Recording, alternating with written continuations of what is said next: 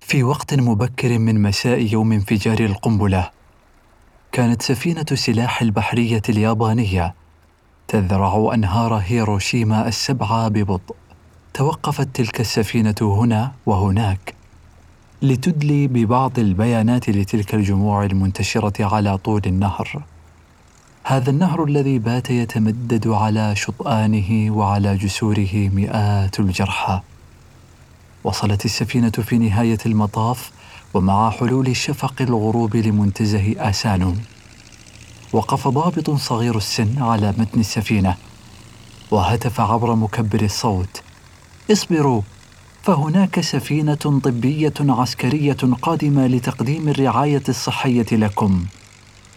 كان منظر السفينة ومن ورائها مشهد الدمار المنتشر بطول النهر وصورة هذا الشاب ببدلته العسكرية الأنيقة وثباته وفوق هذا كله هذا الوعد الباذخ بوصول الرعاية الصحية والتي كانت تمثل أولى بشريات الإغاثة التي تلقاها الناس في هذا اليوم بعد اثني عشر ساعة من العذابات المتواصلة كافيا لإحداث فرحة عارمة لجميع من كان في المنتزه يومئذ.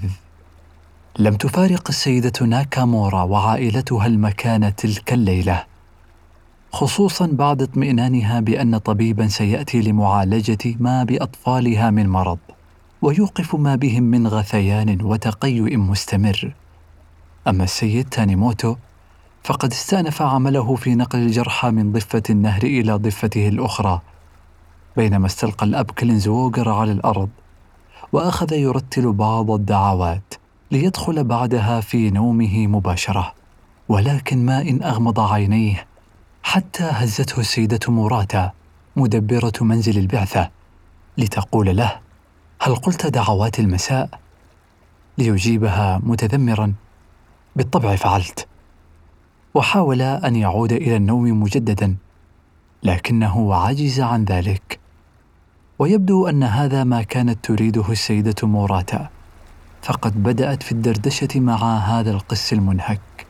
كان أحد الأسئلة التي طرحتها عن موعد وصول القساوسة من دير الرهبان بعد أن أرسل إليهم بعيد الظهيرة من يستدعيهم وذلك لنقل رئيس الدير الأب لاسال والأب شيفر إلى ذلك الدير. وصل ذاك الرسول فعلا إلى ذلك الدير الواقع في التلال على بعد خمسة كيلومترات من المنتزه في الساعة الرابعة والنصف. كان هناك ستة عشر قسا وكانوا يعملون جميعا في إنقاذ الجرحى والمصابين في ضواحي المدينة. وكانوا طيلة الوقت قلقين على رفاقهم ممن كانوا يقطنون المدينة ويرغبون في تقديم يد المساعدة لهم لكنهم لم يكونوا يعلمون كيف ولا أين يبحثون عنهم. كانوا الآن يجهزون على عجل نقالة خشبية من عصي وألواح. وبعد أن انتهوا من ذلك مضى ستة من القساوسة مع الطالب إلى المناطق المنكوبة. ساروا بمحاذاة نهر أوتا بأعلى المدينة واضطروا مرتين للنزول إلى مياهه بسبب حرارة النيران الملتهبة. وحين وصلوا إلى جسر ميساسا صادفوا صفا طويلا من الجنود وهو متوجه في مسيرة عجيبة خارجين من مقر قيادة الجيش الإقليمية بشوغوكو والواقع في مركز المدينة. كانوا جميعا مصابين بحروق فظيعة ويسيرون معتمدين على بعضهم أو متوكئين على عصي معهم. كما وجد القساوسة على الجسر أيضا خيولا مريضة ومصابة بحروق وهي تدلي برؤوسها إلى الأسفل. حين وصل فريق الإنقاذ إلى المنتزه بعد حلول الظلام كان المضي قدما لقطع المنتزه عملية شاقة. بسبب ركام الأشجار المتساقطة من كل الأحجام نتيجة الزوبعة التي اخترقت المنتزه ذلك المساء. وأخيرا وبعيد سؤال السيدة موراتا عنهم وصل الفريق إلى أصحابهم وقدموا لهم النبيذ وبعض الشاي الثقيل. تناقش القساوسة في كيفية نقل الأب شيفر والأب لاسال إلى دير الرهبان. فقد كانوا يخشون أن طريقهم في المنتزه سيكون مضطربا. وذلك ما سيجعل رحلة نقل المصابين شاقة وخطيرة. فمع التخبط والاهتزاز فوق النقالة الخشبية قد يخسر الجريح مزيدا من الدماء مما سيكون مهددا لحياته. فكر الأب كلينزوغر في السيد تانيموتو وقاربه وناداه من على النهر. وحين وصل السيد تانيموتو إلى الضفة أبدى استعداده لنقل المصابين ومن سيحملهم بقاربه إلى حيث يمكن أن يجدوا طريقا سالكة. وفعلا وضع الأب شيفر على النقالة وأنزل إلى القارب ورافقه اثنان من القساوسة وانطلق القارب. كان السيد تانيموتو مضطرا لاستعمال عصا الخيزران في تحريكه ودفعه إذ لم يكن لديه حتى الآن أية مجادف تقوم بالعملية. وبعد حوالي نصف ساعة عاد السيد تانيموتو إلى بقية القساوسة وألح عليهم أن يساعدوه في إنقاذ طفلين كانا غارقين في النهر حتى أكتافهما فتوجهت مجموعة منهم وساعدوه في انتشال الطفلين من الماء. كانتا فتاتين صغيرتين فقدتا أسرتهما وكانتا مصابتين بحروق شديدة. قام القساوسة بوضعهما بجوار الأب كلينزوغر ثم شرعوا في حمل الأب لاسال وقدر الأب شيسليك أن بإمكانه المضي إلى الدير على قدميه فركب مع بقية المجموعة في القارب ومضى معهم.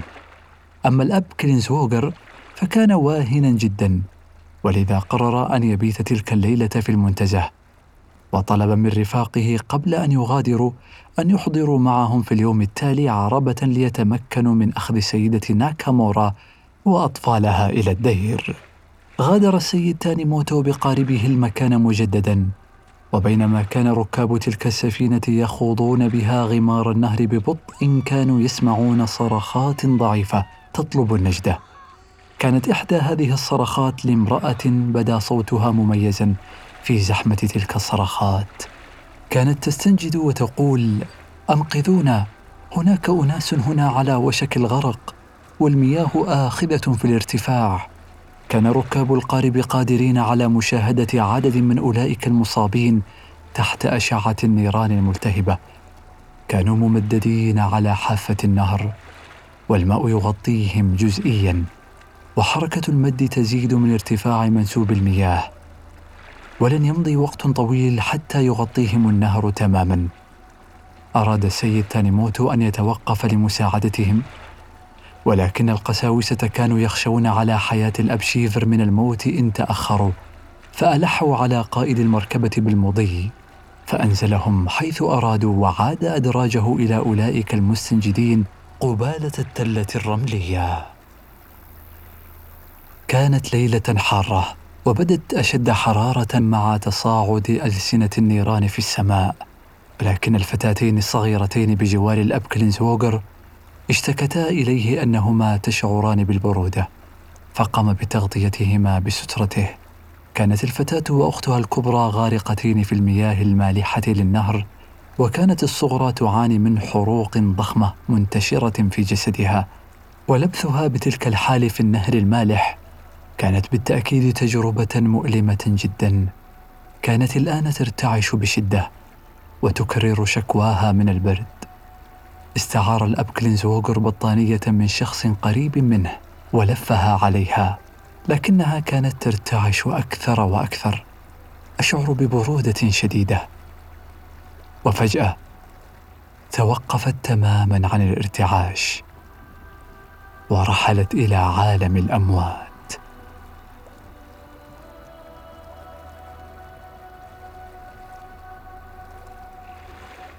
حين عاد السيد تانيموتو لمكان أولئك المستنجدين وهم ممددين على أحد ألسنة النهر كانوا نحو من عشرين رجلا وامرأة. وعندما لامس بقاربه ضفة النهر قريبا منهم حثهم على الصعود ولكنهم لم يتحركوا. وأدرك أنهم كانوا أضعف من أن يقدروا على حمل أنفسهم والنهوض. مد يده ليعين امرأة منهم على النهوض. فانزلق الجلد من على يدها كقطعة قفاز ضخم.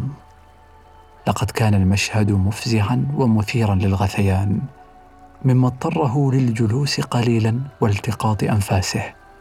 ثم نزل إلى الماء وعلى الرغم من كونه رجلا صغير البنية إلا أنه استطاع أن يحمل عددا من الرجال والنساء إلى قاربه لينقلهم للضفة الأخرى. لقد كانوا عراة وظهورهم وصدورهم ندية رطبة. تذكر على نحو غير مريح منظر تلك الحروق الفظيعة التي كان يشاهدها طيلة اليوم بلونها الأصفر في أول الأمر ثم حمراء منتفخة من غير جلد لتنتهي إلى قروح بشعة ذات رائحة كريهة. ومع ارتفاع منسوب النهر بسبب المد لم تعد عصا الخيزران قادرة على دفع المركبة لقصرها مما اضطره إلى التجديف بها معظم المسافة المتبقية.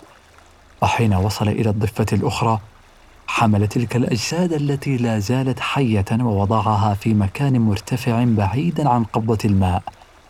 ظل يكرر على نفسه بشكل واع هؤلاء بشر هؤلاء بشر هؤلاء بشر. واستغرق أمر نقلهم جميعا ثلاث رحلات من ضفة إلى أخرى. وحين انتهى من مهمته هذه قرر العودة إلى المنتزه لينال قسطا من الراحة. وعندما وصل إلى المنتزه نزل من قاربه في الظلام وأثناء مشيه تعثر بشخص وقال له آخر مغضبا انتبه هذه يدي. شعر بالخجل من إيذاء الجرحى. وبالحرج من قدرته على المشي منتصبا دونهم. وفجأة مر بخاطره أمر السفينة الطبية والتي لم تأتي يومها بل لم تأتي بتاتا. وللحظة اجتاحه شعور طاغ بغضب عارم من طاقم تلك السفينة الحربية ومن ثم لجميع الأطباء. لماذا لم يأتوا لمساعدة كل هؤلاء الناس؟ كان الدكتور فوجي مستلقيا في منزل أهله الواقع في أطراف المدينة. كان المنزل بلا سقف وكان يعاني من ألم رهيب طوال الليل. بدأ يتفحص جسمه تحت ضوء الفانوس ليجد ترقوته اليسرى مكسورة مع جروح وسحاجات منتشرة في جسمه بالإضافة إلى جرح غائر في ذقنه وظهره وساقه. وكدمات ورضوض واسعة في صدره وعلى جذعه مع احتمال وقوع كسور في عدد من أضلاعه. ولولا إصاباته البالغة هذه لكان من المحتمل أن يكون هناك في المنتزه. يقدم يد العون لعدد من الجرحى والمصابين. حين خيم الليل على المدينة كان عشرة آلاف من ضحايا الانفجار موزعين في أرجاء مستشفى الصليب الأحمر. لقد كان الدكتور ساساكي الآن منهكا تماما. يتحرك على غير هدى بطول الممرات القذرة جيئة وذهابه مرتديا تلك النظارة التي أخذها من إحدى الممرضات حاملا في يده الضمادات وزجاجات المطهر مقدما العلاج لأصحاب الجروح الأكثر سوءا. بعض الأطباء الآخرين كانوا مشغولين بوضع المحاليل الملحية لأصحاب الحروق السيئة. كان هذا كل ما يستطيعون تقديمه لهؤلاء. وبعد حلول الظلام استمر في العمل على ضوء حرائق المدينة وعلى ضوء الشموع التي كانت ترفعها البقية الباقية من الممرضات العشر. لم يتجاوز الدكتور ساساكي بنظره طيلة اليوم حدود المستشفى. فقد كان المشهد بالداخل سيئا جدا للحد الذي لم يخطر بباله أن يسأل عما حدث خارج أبواب ونوافذ المستشفى. كانت الأسقف والجدران قد تهاوت وكان الجص والغبار والدم والقيء يملأ المكان. كان المرضى يموتون بالمئات ولم يكن هناك أحد لحمل الجثث للخارج.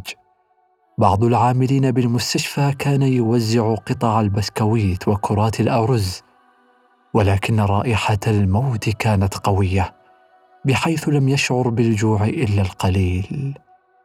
بعد الساعة الثالثة من صباح اليوم التالي كان الدكتور ساساكي قد عمل على نحو مضن لمدة تسع عشرة ساعة متواصلة وأصبح الآن عاجزا تماما عن تضميد جرح واحد.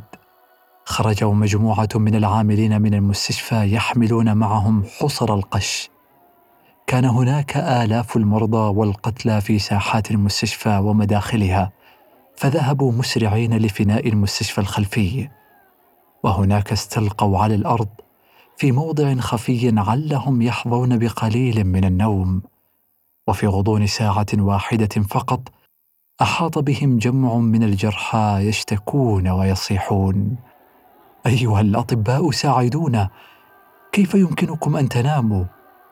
استيقظ الدكتور ساساكي على وقع نداءاتهم وعاد إلى العمل مرة أخرى. في وقت مبكر من هذا اليوم وللمرة الأولى تذكر والدته ومنزلهم في موكاياهارا والذي يبعد عن المدينة قريبا من خمسين كيلومترا. عادة ما كان يتوجه إلى منزله هناك كل ليلة. وكان يخشى أن تظن والدته أنه قد مات. كان بالقرب من تلك السلة التي أنزل عندها السيد تانيموتو القساوسة سلة كبيرة مليئة بكعكات الأرز والتي أحضرها مجموعة من المنقذين معهم لتوزيعها على الجرحى. ولكن يبدو أنهم لم يفعلوا. وحين رأت المجموعة السلة أثناء نقلهم للقس المصاب التقطوها وبدأوا يقتسمون فيما بينهم تلك الكعكات. وبعد دقائق قليلة مرت بهم فرقة من الجنود. وحين استمع أحد الضباط إليهم وهم يتكلمون بلغة أجنبية استل سيفه وبدأ يصرخ فيهم بصورة هستيرية. من أنتم؟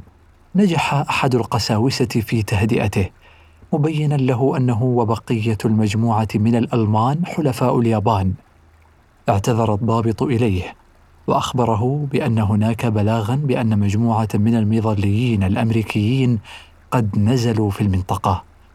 قررت المجموعة نقل الأبشيفر اولا وبينما هم يستعدون للمضي في طريقهم قال لهم رئيس الدير الابلاسال بأنه يشعر ببرودة شديدة. قدم واحد من اليسوعيين معطفة وآخر قميصة وبدأ أنهم كانوا سعداء بذلك. خصوصا في هذا الليل الحار والرطب وبدأ الفريق رحلته. كان طالب البعثة يقود المجموعة ويحذرهم من أي عوائق في الطريق. ولكن أحد القساوسة تعثر بأحد أسلاك الهاتف المرمية ليسقط الجزء الذي كان يحمله من النقالة. تدحرج الأب شيفر من على النقالة وفقد الوعي. ثم استيقظ وبدأ يتقيأ. حمله أصحابه مرة أخرى وذهبوا به إلى حافة المدينة حيث التقوا بمجموعة أخرى من القساوسة ممن رتبوا معهم الأمر وسلموه لهم وعادوا أدراجهم إلى الأبلاسال. كان تمدد الأبلاسال على النقالة الخشبية تجربة مؤلمة جدا إذ كان مستلقيا عليها بجروحه الملأى بقطع الزجاج المهشم في ظهره. وحين وصلت المجموعة لحافة المدينة كان عليها أن تلتف حول سيارة محترقة وأن تنحني إلى الأرض في هذا الطريق الضيق. وبسبب الظلمة التي لفت المكان لم ينتبه من كان يحمل أحد جانبي النقالة لطريقهم فوقعوا في حفرة عميقة. سقط الأبلى سال على الأرض وانكسرت النقالة إلى قطعتين. ذهب أحد القساوسة إلى الدير لإحضار عربة يد. لكنه سرعان ما وجد واحدة بجانب منزل خاو فعاد إلى رفاقه يدفعها بين يديه. رفع القساوسة الأب سال ووضعوه في العربة ودفعوه بها لبقية الطريق. كان رئيس دير الرهبان طبيبا قبل انخراطه في هذه المجموعة الدينية فقام بتنظيف جراح القسين ووضعهما في سريرين بشراشف نظيفة وحمد الله على الرعاية الطبية التي تلقياها. كان الآلاف من الناس في ذلك اليوم محرومين ممن يساعدهم وكانت الآنسة سساكي واحدة منهم. فقد تركت تلك الليلة محرومة من كل حول وقوة وباتت ليلتها تلك تحت المظلة الهزيلة في باحة مصنع القسطير مجاورة لتلك المرأة التي فقدت ثديها وذلك الرجل الذي احترق وجهه حتى بالكاد تبقى له شيء يسمى وجها لقد عانت تلك الليلة معاناة فظيعة وزادت أوجاعها بذاك الألم الفظيع المنبعث من ساقها المكسورة. لم تستطع أن تنام تلك الليلة ابدا ولم تكلم احدا من رفاقها كذلك. في المنتزه أبقت السيدة موراتا الأب كلينزووغر مستيقظا طوال الليل بحديثها المتواصل معه. وكذلك ظل جميع أفراد عائلة ناكامورا مستيقظين ولم يهنأوا بشيء من النوم. وعلى الرغم من المرض الشديد الذي كان يعاني منه الأطفال إلا أنهم كانوا مهتمين بكل ما يدور حولهم. لقد بدوا مبتهجين حين شاهدوا انفجار أحد خزانات الغاز بالمدينة لتتشكل كرة لهب هائلة. صاحت شيو في الآخرين. انظروا انه انعكاس صوره الانفجار في النهر. وبعد مسيرة مضنية من الركض المتواصل والعمل لساعات عدة اضطجع السيد تانيموتو ليغفو غفوة غير مريحة. وحين استيقظ مع بواكير الفجر نظر عبر النهر ليدرك أنه لم يحمل تلك الأجساد المتقرحة لمكان مرتفع كفاية في الليلة السابقة. وجاء المد وارتفع النهر ليصل إليهم ولم يكن بهم قوة على الحراك.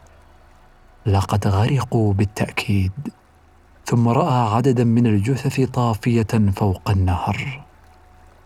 في وقت مبكر من ذلك اليوم السابع من أغسطس بثت الإذاعة اليابانية إعلانا مقتضبا مثل أول بيان رسمي حيال الحدث وهو إعلان لم يستمع إليه إلا عدد قليل من المهتمين بمضمونه من الناجين من أهل هيروشيما. جاء الإعلان على النحو التالي لقد عانت هيروشيما من أضرار كبيرة نتيجة هجوم عدد قليل من طائرات بي 29 ويعتقد أنه استعملت نوعية جديدة من القنابل والتحقيقات جارية لمعرفة المزيد من التفاصيل. وإذا كان أكثر الناجين لم يستمعوا لهذا البيان فمن المستبعد أن أحدا منهم قد استمع عبر الموجة القصيرة إلى إعادة بث لخطاب الرئيس الأمريكي الاستثنائي والذي صرح فيه بأن القنبلة الجديدة هي قنبلة ذرية وأن قوتها التدميرية تفوق عشرين ألف طن من مادة التي إن تي المتفجرة وأنها أقوى بألفي ضعف من أقوى قنبلة استخدمت حتى ذلك الحين في تاريخ الحروب وهي قنبلة البطل الكبير البريطانية. أولئك الضحايا الذين ما زال في مقدورهم أن يهتموا بما جرى كانوا يضربون أخماسا في أسداس ويقدمون تخميناتهم فيما حدث بطريقة بدائية بسيطة ولغة طفولية. إنه بنزين. تم رشه من بعض الطائرات أو ربما كان غازا قابلا للاشتعال أو مجموعة قنابل عنقوديه أو هو عمل المظليين. ولكن حتى لو كانوا يعرفون الحقيقة فمعظمهم كان مشغولا جدا أو مرهقا جدا أو مصابا على نحو خطير ليعبأ أو يهتم بحقيقة أنه كان مجرد جزء يسير من عملية اختبار ضخمة تعد الأولى من نوعها للقنبلة الذرية والتي كانت بحسب ما صدحت به موجات الإذاعة القصيرة بأنه لا بلد باستثناء الولايات المتحدة الأمريكية بتطورها الصناعي واستعدادها للدخول في مقامرة في زمن الحرب بملياري دولار ذهبية كان في مقدوره تطوير قنبلة كهذه. كانت مشاعر الغضب تجاه الأطباء لا تزال تستعر في جوف السيد تانيموتو فقرر بأنه سيقوم شخصيا بإحضار واحد منهم. ولو استدعى الأمر أن يجره من رقبته فسيفعل. اجتاز النهر وتجاوز المزار الذي التقى زوجته عنده للحظات في اليوم السابق ومضى إلى ميدان الشرق. قدر أنه سيجد فريقا طبيا هناك إذ كانت تلك المنطقة إحدى مناطق الإخلاء التي تم تحديدها منذ مدة طويلة. وحين وصل هناك وجد ما كان يطمع فيه فعلا حيث وجد فريقا طبيا تابعا للجيش. لكنه وجد هذا الفريق غارقا في أعباء لا تنتهي وأمامهم آلاف المرضى ممددين على الأرض مختلطين بآلاف الجثث ومع ذلك فقد أقبل على أحد أطباء الجيش موبخا. لماذا لم تأتوا إلى منتزه أسانو؟ فثمة حاجة ماسة لكم هناك. ومن غير أن يرفع الطبيب بصره إليه قال له بصوت متعب هذه هي محطتي. وهناك عدد كبير من الجرحى يموتون على ضفة النهر هناك. أول واجباته هي العناية بأصحاب الجروح الطفيفة. سأله السيد تانيموتو لماذا مع وجود كثير من أصحاب الجروح الخطيرة هناك؟ انتقل الطبيب لمداواة مريض آخر. وقال له وكأنه يقرأ من دليل إرشادي. في مثل حالات الطوارئ هذه فإن أول واجبات الطبيب هو مساعدة أكبر عدد ممكن من الأشخاص واستنقاذ حياة من يمكن إنقاذه. وهؤلاء الجرحى لا أمل لهم. سوف يموتون. لا يمكن أن نشغل أنفسنا بهم.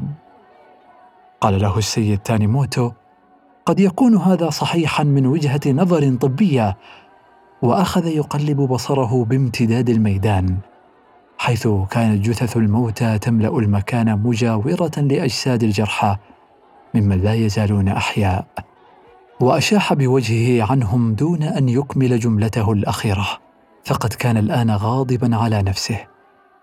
لم يكن يعرف ماذا يفعل فقد وعد بعض من كان يحتضر في المنتزه بأنه سيحضر لهم معونة طبية. قد يموتون الآن معتقدين أنهم قد خدعوا. رأى محطة تموين في جانب الميدان وتوسل لمن بها أن يحظى ببعض كعك الأرز والبسكويت. أخذ حصة منها وعاد بها إلى المنتزه بدل العودة بالأطباء.